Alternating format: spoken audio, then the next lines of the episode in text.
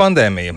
Pārbaudījums ne tikai pasaules veselības sistēmai, bet arī ekonomikām un izņēmums nav arī Latvija. Pērn saruga gan iekšzemes koprodukts, gan pieauga bezdarbs. Šogad pavasarī jau strauji parādījās ekonomikas atgūšanās tendences, saruga bezdarbnieku rindas, atgriezās cenu kāpums, dažās nozarēs pat nepieklājīgi strauši cenu kāpums. Un kāda ir Latvijas ekonomikas veselība un skats nākotnē par to uh, izdevājāsim Latvijas Bankas padomus locekli Andri Vilku, kur esmu sazinājies. Labrīt! Labrīt! Kāda šobrīd izskatās ekonomika? Tā ir atgūsies no pandēmijas, pielāgojusies tai. Ekonomika sāka pielāgoties, un patiesībā Latvijā tas noticis salīdzinoši veiksmīgi uz citu valstu fonu. Bet kopumā ir daudz nezināmā, un pēc idejas ir ļoti grūti ir, prognozēt arī nākotnē. Acīm redzot, tās prognozes pēc pāris mēnešiem tiks mainītas, bet katrā ziņā ir jābūt gataviem dažādiem pavērsieniem un jāsaprot, ka pandēmija visticamāk sadzīvos mūsu ne varbūt ne tikai vienu gadu, bet vairākus gadus. Tad tas ekonomikas modelis, kas ir pamainījies tagad, ir pietiekami daudz strādā no mājām, attālināti. Ir mazāks pulcēšanās, mazāk ceļojumu.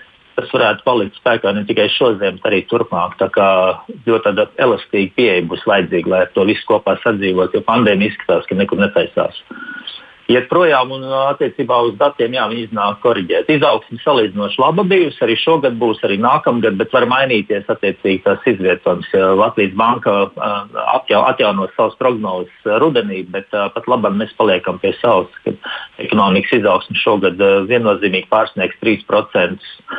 Nākamgad ir 6,5 paredzēts, bet varbūt tas skaidrs varbūt nedaudz būtu mazāks. Bet uh, tā lielākā problēma varbūt šlaik tas nezināmais ir attiecībā uz uh, varbūt inflāciju. Inflācija varētu būt augstāka, noturīgāka ne tikai Latvijā, bet pasaulē.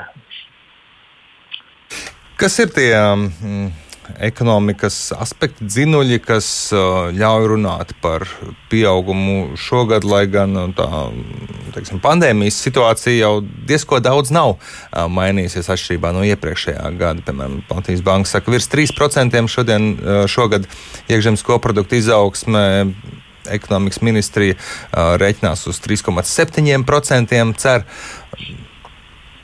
Mhm. Jā, galvenais, manuprāt, svarīgākais faktors, kad ir pietiekami spēcīgs ārējais pieprasījums. Tātad Latvijas eksportētāji gan preču, gan pakalpojumi var turpināt veiksmīgi strādāt un pat palielināt apjomus. Tas nozīmē, ka citās valstīs ir pieprasījums. Un, uh, tur arī dažādi iemesli. Viens ir tomēr, ka pietiekami liels uh, atbalsts ir bijis uz Eiropā, Eirozonā uh, no, no, no, no, no, no valdību puses. Tātad, uh, Otrs ir uh, biznesa redz perspektīva, un trešais ļoti lieli Eiropas līdzekļi ienāk. Tātad uh, arī globālā tirzniecība uzņem apgriezienus. Jo tas atkritiens, kas bija pagājušajā gadā, kad uh, salīdzinoši mazāk tika patērēts daudz dažādas preces un pakalpojumu, viņš nāk tagad atpakaļ. Tad ir vēlme tērēt tērēt, būvēt, investēt, un arī tie noguldījumi, kas gan Latvijā, gan citās valstīs ir pieauguši. Tātad banku kontos ir uzkrāti līdzekļi gan mājsaimniecībām, lielākiem uzņēmējiem. Tas arī materializējas, nāk uz ārā. Tātad tā, tās tās pozitīvās, not, noturīgās lietas. Tātad nauda, investīcijas ir vienkārši viņām jābūt, jā, jāliek lietājumiem.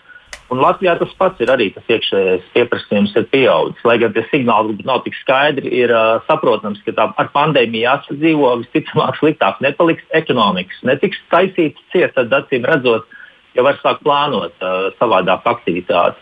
Un tas tie ir pozitīvie faktori, ka mēs esam apjēguši, kādā situācijā mēs dzīvojam, un, un, un vienkārši jās, jāsamierinās ar to visu, jāpielāgojas.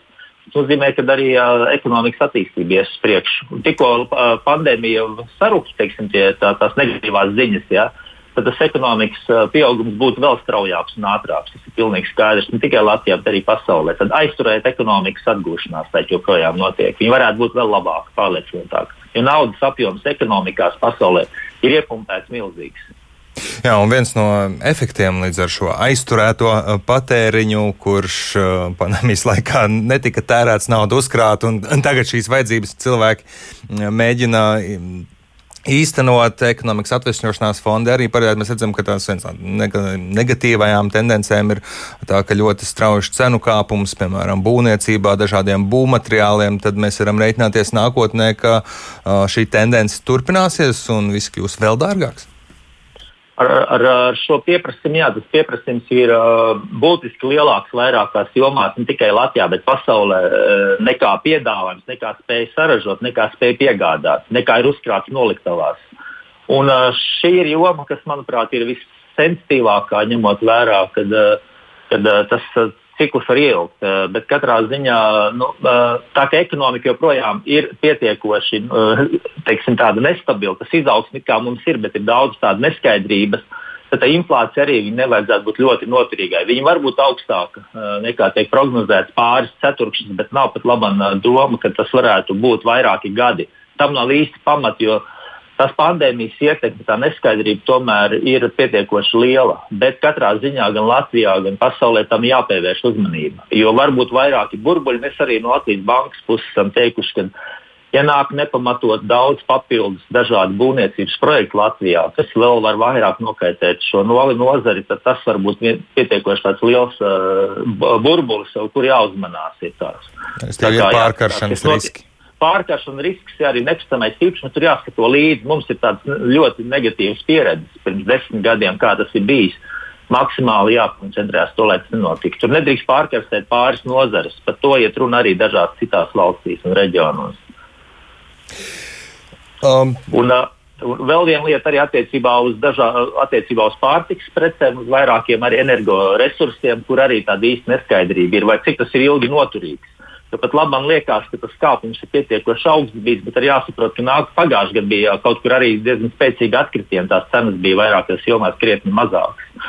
Tā kā ir vairākas tādas jomas, es domāju, ka tas ir svarīgi biznesam, valdībai saprast iedzīvotājiem. Ja, kad, kad, kad ir, ir uh, sektori, jomas, kurās varētu būt uh, paaugstināta inflācija, bet nedrīkst pieļaut kādas burbuļus ar nepamatotu cenu kāpumus ilg, ilgākā laika posmā. Tas nebūtu adekvāti. Jā, nu redzam, ka saslimstība ar Covid-19 tuvojoties rudenim, kā daudz arī prognozēja, dodas atkal augšu, bet uh, atšķirībā no iepriekšējās ziemas, ekonomikām no tā nevajadzētu tik ļoti ciest. Es tāpēc jums to prasu. Uh, manuprāt, ekonomikai no tā būs uh, mazāk, krietni mazāk ietekme nekā iepriekšējos gados. Es nedomāju, ka būs mīnusos. Būs nelieli plusi sliktākā gadījumā. Un diezgan vai ekonomikas aizvēršana ir vajadzīga un uh, vai tas dos to rezultātu. Visticamāk, būs uh, dažādi ierobežojumi tikšanos. Uh, ļoti daudz cilvēku strādās no mājām, uh, un maksimāli droši vien jāie, jāierobežo dažādi veidi tikšanās, ja tas ir iespējams. Nu, līdzīgi kā tā sabiedrība eksistē arī viduslaikos, jo kā citādāk cīnīties ar pandēmiju, tā ir izolācija, maksimāla noslēgšanās. Bet šajā gadījumā mēs citādā pasaulē globāli dzīvojam daudz kustīgāk, atvērtākā. Acīm redzot, šeit pilnīgi tas tā nevarēs būt noslēgta, bet katrā ziņā tās uh, Attiecībā uz jomām, kas ir saistīta ar kultūru, pulcēšanos, dažādu pasākumu, tur būs noteikti kaut kāda veida ierobežojumi viennozīmīgi. Ne tikai Latvijā, bet pasaulē. Un masku lietošana, acīm redzot, atgriezīsies un daudz citas lietas. Kā, bet, uh, tas nenozīmē, ka daudzas uh, jomas nevar strādāt. Uh, viņas var pietiekoši pielāgoties uh, un strādāt uh, gandrīz bez, bez, bez pārāvumiem. Paldies! Ražošanas uzņēmumu. Paldies jums par sarunu. Šorīt Latvijas Bankas padomus loceklis Andris Vilks ar mums sarunājās.